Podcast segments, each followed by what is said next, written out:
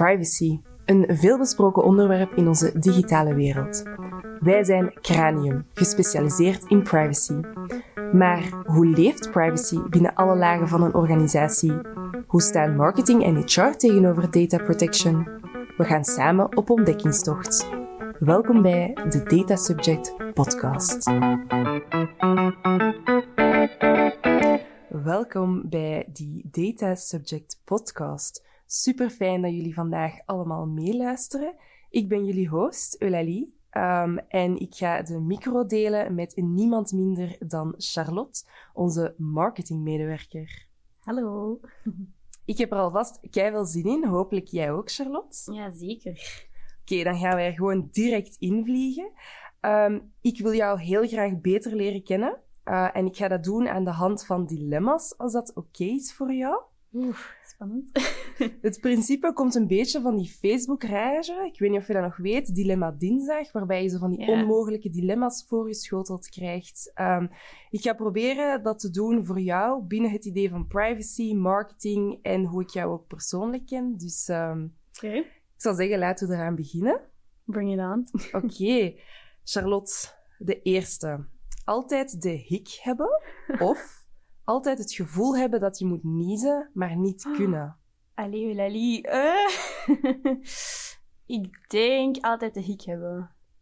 En waarom?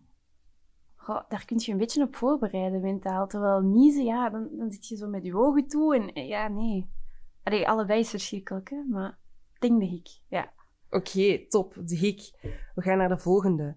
Nooit meer social media of nooit meer een film of een serie kijken. Oh, het doet je me aan. Ja, social media is mijn job. Series en films is mijn vrije tijd. Geen social media meer. Oké, je gaat full voor de serie, film. Ja. Toevallig een favoriete filmserie dat je momenteel aan het kijken bent? Maar momenteel, ik loop een beetje achter, maar ik ben The Crown aan het bingen. Dus eh, helemaal mee obsessed. Oeh, Ja. interessant. Oké. Ehm, volgende. Altijd slecht bereik hebben of alles wat je stuurt luidop voorlezen? Oeh. Oeh. Eh, altijd slecht bereik hebben. Maar alleen met mobiele data dan, hè?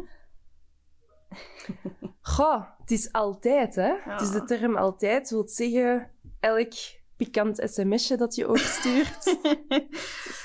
ja, ik hou het dan toch maar voor de veiligheid op eh, slecht bereik. Oké. Ehm, nog eentje. Een jaar lang geen internet of een jaar lang zonder deken slapen? Oei. Ja, zonder deken slapen. Denk ik. Ja, Ik vind het wel een andere manier om mezelf warm te houden dan. het is wel heel frisjes, hè, zo Ja. zonder deken. Ja, zeker nu.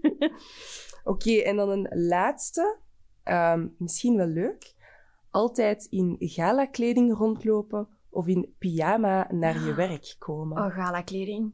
Ja. Altijd gala-kleding. Ja. Full mij- glam. Ja, mij helemaal uitdossen, glitter, glamour. Ja, alle dagen. Oké, tof. Oké, ik heb al een duidelijk beeld van wie Charlotte is. Ehm, ik wil wel nog heel graag een laatste vraag stellen. Misschien gaat dat een blik geven op de toekomst van Cranium, misschien niet. Maar wat zou jouw wildste droom zijn voor Cranium op vlak van marketing? Oeh. Geen rekening houdend met alle mogelijke privacy issues dat er maar zijn. Ehm, even nadenken hoor. Automatisaties. Dat ik geen tijd meer verlies met ja, die kleine dingetjes er juist te zetten, recht te zetten. Aan, aan, alles liggen sleutelen en prutsen. Gewoon dat ik op een knop kan duwen en dat mijn webpagina's mooi staan, dat mijn advertenties mooi staan. Dat zou echt zalig zijn. Want daar verlies ik gewoon heel veel tijd mee. Ja, begrijpelijk. Misschien is dat de toekomst, wie weet. Ik kijk naar onze IT-support hier en misschien kan die dat uit zijn hoed toveren volgend jaar. Ah, dat zou leuk zijn. Oké, Charlotte, fijn dat wij jou nu een klein beetje beter kennen. Laten we direct overgaan naar de reden waarom we hier zitten. En dat is meer te weten komen over privacy en marketing. Yes. Jij werkt momenteel bij Cranium als marketingmedewerker en jij wordt Mhm. dagelijks geconfronteerd met privacy. Niet alleen door de talrijke mopjes dat jouw collega's maken, maar ook echt gewoon in jouw job zelf. Zeg mij eens, welk onderdeel van je job had je echt niet zien aankomen? Toen ik startte? Ja. Ja. Ehm, goh, dat gaat misschien een beetje raar klinken. Ehm, ik was op zoek naar een job in de marketing. Ehm, ik had zelf niet in mijn achterhoofd van ik wil iets in privacy gaan doen. dus ik heb hier gesolliciteerd, ik ben binnengeraakt en ik dacht, ja, ik zou me daar wel een beetje in verdiepen, een beetje over bijleren. Um, en totaal niet zien aankomen wat voor een, een, brede en interessante wereld dat dat eigenlijk is. Hoe hard ik me daar ook moet in verdiepen. Um, ja, ik, ik, kan ook zeker niet anders als uh, marketeer die dan nog eens in een privacybedrijf werkt. Um, en wat voor mij vooral opvallend was, was, uh, ja, ik ben al een tijdje afgestudeerd, een, drie, vier jaar. En in mijn marketinglessen die ik vroeger had, um, ja, kwam dat eigenlijk bijna niet aan bod. Ik denk dat dat vandaag de dag al wel beter is. Maar back in the day, GDPR, ik heb dat gewoon niet gezien. Terwijl dat als marketeer, ja, kom er eigenlijk alle dagen mee in aanraking. Dus voor mij was dat wel een, een eye-opener of zo, om, om daarover bij te leren en er dan direct ook ingesmeten te worden en ja, met het, met het grote oog bekeken te worden. Want alles wat dat ik en mijn collega doen hier, ja, ik, ik, ben omringd door privacy professionals, hè, dus als ik een fout maak, ik ga het direct geweten hebben. Absoluut. En ik heb gehoord dat de collega's heel kritisch kunnen zijn. ja, maar dat moet ook, hè.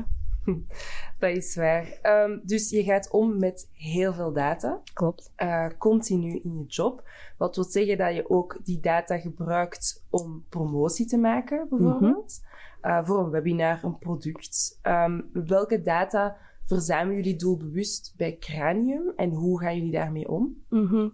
Gelukkig is dat uh, geen sensitieve data, dus op zich valt dat voor ons nog wel mee. Um, de reden dat ik data verzamel is om mailings te kunnen uitsturen die gericht zijn. Um, dus ja, wat verzamelen wij? Dat zijn namen, e-mailadressen. Heel af en toe is een telefoonnummer als het om een evenement gaat of zo.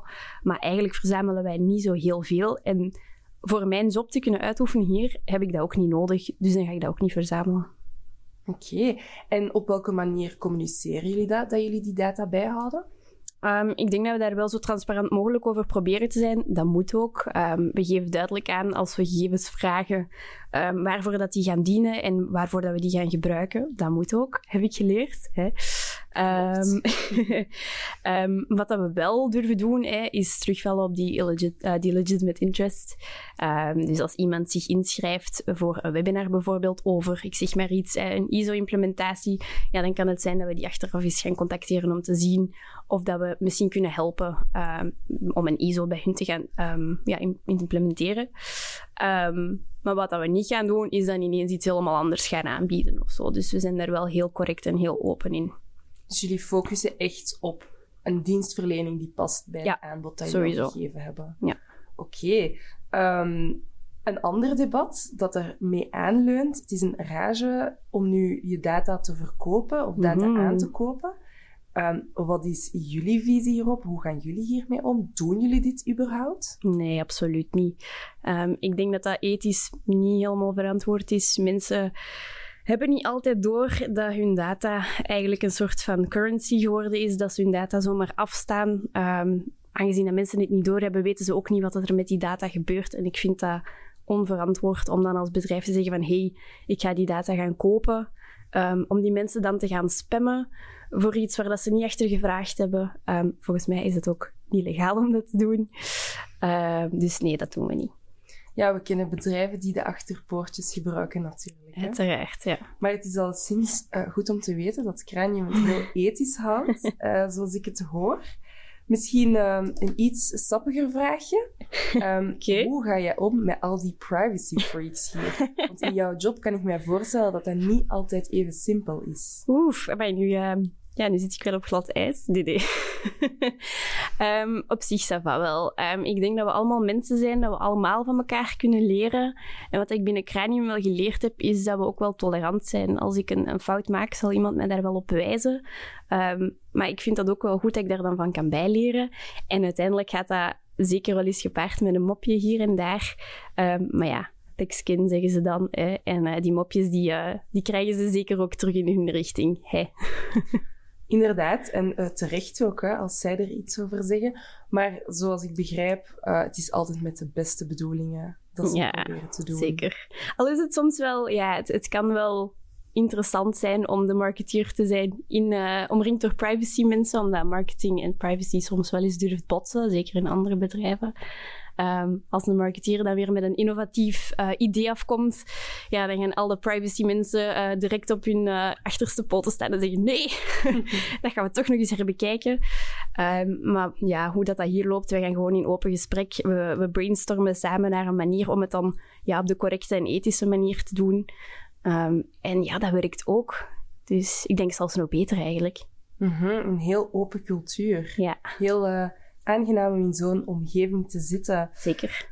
Oké, okay, dat was heel het datagegeven, hoe je daarmee omgaat. Ik denk dat we nu naar een tof, spannend onderwerp kunnen gaan. Die online wereld. Uh, mm -hmm. Dat is de dag van vandaag toch wel de grote vraag. Privacy en de online wereld. Hoe gaan we daarmee om? Mm -hmm. Um, jij als marketeer, hoe ga jij om met die privacy, personal data, heel in het algemeen? Oké, okay, dus op persoonlijk vlak ook? Of? Ja, ook. Wat ik gemerkt heb sinds ik hier werk, ik werk hier nu een jaartje. Um, ik had wel al van GDPR gehoord, hè, maar cookies bij mij, dat was accepteer, accepteer, accepteer. Ik stond daar niet bij stil. Hetzelfde met nieuwsbrieven. Uh, om die 10% korting dan toch maar ergens te krijgen, dacht ik, ja, ik zal me maar inschrijven. Eh, wie weet komt dat ooit nog van pas. En um, ja, dat is wel veranderd sinds ik hier werk, wat dat een beetje tegen mijn eigen winkel spreken is. Um, maar ik ben daar wel heel bewust van geworden. Um, ik ga altijd zoeken nu om cookies toch maar te weigeren. Ik wil ze niet. hetzelfde met nieuwsbrieven. Ik ga mij niet zomaar met mijn eigen e-mailadres meer inschrijven. Ik zal mijn e-mailadres altijd verbergen. zo van die dingen dat speelt wel en, en, daar ben ik wel mee bezig.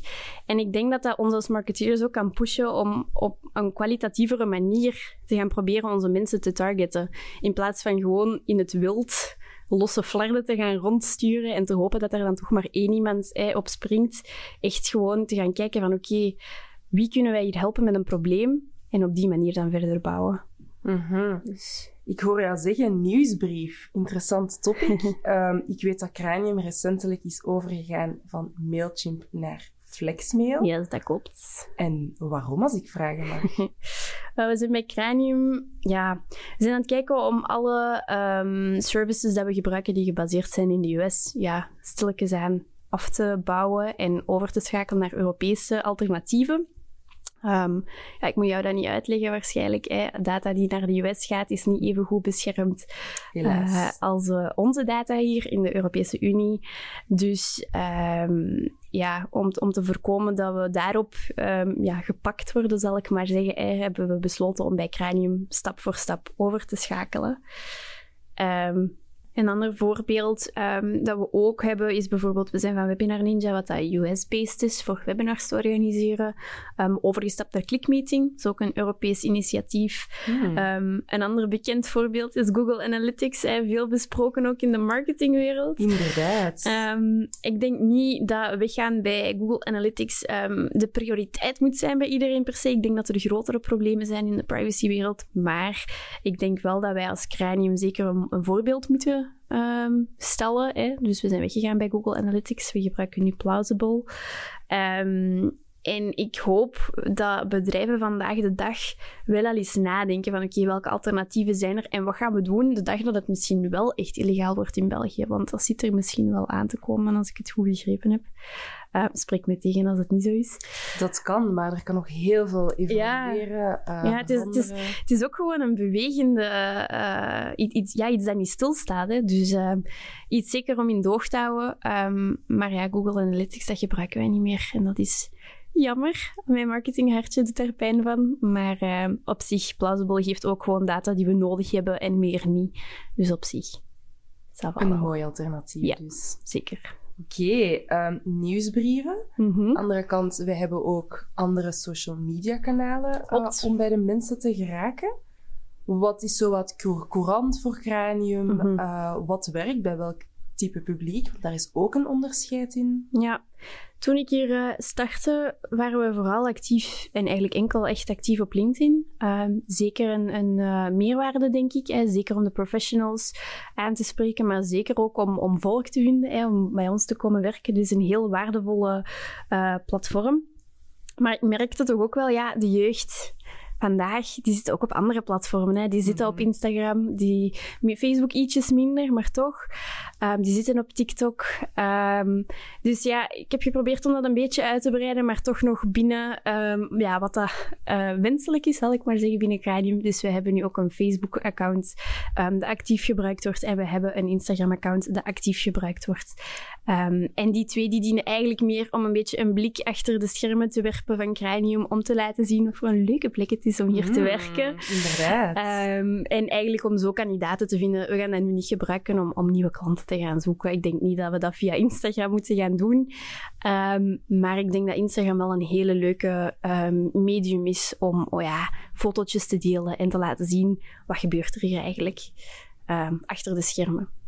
Ja, ja, ik weet nog eh, toen ik hier kwam solliciteren dat ik inderdaad de Instagram eens had bekeken om te Ah. zien hoe loopt het daar achter de schermen en hoe sympathiek zouden mijn collega's kunnen zijn eventueel. Zie je, je zit hier, hè, dus het werkt wel. Hè? Dus eh, voilà, inderdaad. Maar eh, je sprak dus ook over TikTok, maar als ik het Klopt. goed begrijp, is er dus geen TikTok-account voor Nee. Cranium. Waarom? Nee, dat gaan we niet doen. Ik denk dat ik tegen heel veel mensen hun schenen ga eh, schoppen als we met TikTok gaan beginnen. En uiteindelijk, ik kan ook reels maken op Instagram. Instagram is ietsje meer geaccepteerd. Dus als we reels willen maken, dan doen we het wel via Instagram. Ehm, ik denk dat jij beter kan uitleggen waarom dat TikTok misschien not done is. Goh, ja, het zijn heel veel debatten rond natuurlijk, hè, maar eh, inderdaad, het aspect dat al onze data in handen zouden zijn van China, waar Mhm. dat er praktisch geen eh privacy-wetgeving is. Er is één opkomend, eh, er gaat wel iets komen, maar natuurlijk heel basis, Ja. totaal geen maturiteit in hun wetgeving daar rond. Dus ja, Amerika staat op dat vlak een klein beetje verder, dus misschien een Ja. betere optie om dan voor die Instagram te gaan. Maar natuurlijk, eh, het blijven wel Ja. datazuipers. Datazuipers, mooi woord. Ja, ik vind het moeilijk, want privé, ja, TikTok, ik ben ervoor gevallen. hè. Het is kei leuk om daar door te scrollen. Ik weet dat het niet zo goed is. Ehm, maar eh, ja, hier bij Cranium gaan we het gewoon niet, eh, niet doen. Hmm. Ja, ik vraag me altijd af ehm, of er echt zo'n groot verschil is. Omdat ik heb die indruk dat TikTok-content ook Nee. op de een of andere manier terugkomt op Instagram. Je ziet dat ook vaak, hè, dat mensen Ja. eigenlijk iets op TikTok maken, dan downloaden en dan op Instagram opnieuw opladen. Mhm. Het is eigenlijk heel grappig om te zien ook dat ja, TikTok heeft iets in beweging gezet en alle andere platformen proberen toch maar desperately, om het zo te zeggen, eh, Mhm. om het succes na te bootsen. Je hebt nu ook ehm, ja, van die stories op YouTube, want YouTube ziet natuurlijk heel veel volk weglopen. Mhm. Ehm, maar zelfs een WhatsApp of een Signal, je kan daar stories op plaatsen nu. Hè. Dus ze, ze kopiëren het allemaal van elkaar. En uiteindelijk zorgt dat er ook voor, ja, wij als professionals, wij kunnen gewoon de andere platformen ook blijven gebruiken. Mhm. Dat is wel een groot voordeel natuurlijk. Ja, ergens wel. Oké, ehm, en op die sociale mediakanalen, de Facebook, de Instagram, gebruik Mhm. je natuurlijk ook foto's van collega's. Klopt. Zoals ik ben gaan piepen toen. Hoe reageren ze hier daarover? Ehm, hoe pakken jullie dat aan? Want ik kan me voorstellen dat niet iedereen altijd even happig is om zijn Klopt. gezin, gezicht te lenen aan het Mhm. bedrijf. Ja, dat is soms wel een beetje moeilijk natuurlijk. Ehm, die wetgeving is ook niet helemaal zwart-wit, eh, voor zover dat ik ze begrepen heb. Ehm, maar ik zou niet willen dat iemand zich oncomfortabel voelt hier. We zijn een consultancybedrijf, dus ik vind het belangrijk dat onze mensen zichtbaar zijn. Ehm, dat als we foto's gebruiken, dat dat geen stock images zijn. Ik vind dat heel afstandelijk, heel onpersoonlijk. Dus ik gebruik liefst onze eigen mensen, maar ik ga dat altijd vragen. Ehm, onze mensen hebben iets ondertekend als ze het oké vinden om, om, de- om hun foto's af te staan. Maar zelfs dan nog ga ik het altijd persoonlijk vragen. Ehm, ik denk ook niet bijvoorbeeld als iets heel veel geld kost, zoals ja, banners gaan printen of al ik zeg maar iets, eh, stickers, bestikkering gaan maken. Ehm, een camion, Allee, we gaan dat niet hebben, maar stel je voor, hè, ik zou Wie daar nooit, ooit. wie weet, ik zou daar nooit het gezicht van een medewerker op, op eh, zetten. Want ja, een medewerker kan elk moment zijn toestemming intrekken. Dat mag ook, ik vind dat ook niet erg. Maar dan gaan we geen onnodige kosten... Allee, dan gaan we voorkomen dat we onnodige kosten gaan moeten maken. Ehm, hetzelfde met flyers of zo, dat ga ik niet zo snel doen. Maar foto's op de website, op de social media, ja, als mensen het geen probleem vinden, waarom ook niet? Ehm, ik denk dat het net heel leuk is om onze mensen zo te laten zien, als ze er zelf ook comfortabel bij zijn natuurlijk. En het trekt ook aan, hè? Een gezicht achter een bedrijf is altijd wel... eh, Ja, dat zien we ook als, als we posts maken. De, de posts waar onze mensen op staan, die doen echt die doen het het best. Dat is mensen, ja, dat trekt aan. hè. Inderdaad, fijn. Ik heb nog iets gelezen en ik dacht een leuk weetje dat ik misschien met jou kan delen. Oké. Ehm, in verband met marketing, social media uiteraard. Ik heb gelezen dat je dus meestal je moet een account aanmaken, je geeft een e-mailadres en een wachtwoord in. Mhm. Waarbij het misschien interessanter is om een specifiek e-mailadres aan te maken voor die social media kanalen, zodat moest er eventueel iets gebeuren qua hacking, Mhm. dat dat niet op onze standaard e-mailadressen zouden zijn en dat ze op die manier ook nog andere gegevens kunnen binnenhalen. Een soort van verberg mijn e-mailadres, maar dan professioneel eigenlijk. Ja, eigenlijk kunnen we dat wel. Inderdaad, zodat het volledig gescheiden is. Ehm, en ja, het is misschien meer werk, want er is een extra e-mailadres in Mhm. omloop. Ja, Maar misschien ook niet, want ik weet, ik persoonlijk heb zo'n decoy e-mailadres. Ja, ik ook. Spam, voilà. Dus misschien kunnen we dat ook eh, ja. installeren voor socials hier. Nog eens kijken naar onze IT-guy hier of dat, dat überhaupt mogelijk is. Maar ik denk dat het een goede tip kan zijn, zeker ook voor kleinere bedrijven, om zich toch maar extra te beveiligen. Ehm, Mhm. Ik denk dat je niet mag onderschatten, eens een hacker binnen is met één e-mailadres, hoe ver dat die kan geraken. Ehm, ja, Inderdaad, ik zie IT ook enorm knikken. Dus eh, ik heb de indruk dat we hier een eh, gevoelige snaar hebben geraakt. Oké, nee, maar super interessant. Eh, we hebben een nieuwsbrief gehad, social media. Wat ook heel belangrijk bij ons is, is die website. Mhm. Ehm, en een van die heikelpunten daarin is, ik zie jouw gezicht al fronsen, het cookiebeleid. Hoe Ja. zit dat? Hoe gaan wij hier bij Cranium om met dat cookiebeleid? Ja, ik probeer zo weinig mogelijk cookies te gebruiken. Ik zou ze liever gewoon niet hebben. Ehm, puur gewoon, ja, om het goede voorbeeld te geven. Je kan gerust goede marketing voeren zonder eh, afhankelijk te zijn van cookies. Er zijn andere manieren ehm, om daarmee om te gaan. Maar ik ben zelf ook niet heel technisch aangelegd. Dus het is ook een beetje zoeken van, oké, hoe zit ik dat nu helemaal juist? En klopt dat dan wel in onze cookie policy en al die dingen? Dus dat is wel een groot werk. En ik kan me echt inbeelden dat andere bedrijven echt hetzelfde ehm, probleem ondervinden. Zeker als je niet omringd bent door al die privacy professionals. Ja, ja, dat is wel handig hier. Hè? Je kan Ja. iedereen zijn mouw gaan trekken om eh, eens te kijken hoe en wat. Mhm. Ehm, en ken jij de zero en first party cookies? Iets nieuw dat zo aan het opkomen is, heb ik gehoord. Wel al van gehoord, maar vraag me niet om het eh, uit te leggen. Ja, het is dus eigenlijk echt een, een basisprincipe, als ik het helemaal juist heb, want ik ben ook niet de IT-man, die zit hiernaast. Ehm, maar waarbij dat we echt wel gaan proberen om, als we data verzamelen via cookies, om dat op een first base te gebruiken en zeker niet dingen van third parties, dus van anderen eigenlijk te gaan gebruiken ehm, om onze data te gaan vergroten Mhm. en om meer eh, statistieken te kunnen trekken. ja. Oké. Ehm, misschien ook nog een tof onderwerp. Eh, je hebt recentelijk een artikel geschreven dat het enorm goed gedaan heeft. Eh, het was echt super interessant, laagdrempelig. Dark patterns. Ja. Zeg mij iets. Hoe ben jij op het idee gekomen? Ehm, hoe is dat geëvolueerd? Want ik heb begrepen dat je dat echt op eh, een half uurtje praktisch geschreven hebt. Een half uur is misschien overdreven, maar ehm, het was de dag voor Halloween. Voilà. En eh, ik, ik wou al lang iets schrijven over dark patterns, gewoon omdat ik dat zelf interessant vind. Dat is een beetje psychologie dat erachter zit. Ehm, wat zijn dark patterns? Is eigenlijk dat we op een psychologische manier mensen gaan nudgen of gaan onbewust duwen naar het maken van beslissingen waar dat ze eigenlijk zelf niet echt vat op hebben. Dus een, een mooi voorbeeld is het accepteren van cookies door die knop in een felle kleur te zetten, terwijl dat de eh, afwijsknop eigenlijk nergens te bespeuren is. Dat is een dark pattern die ook wel bestrafbaar is.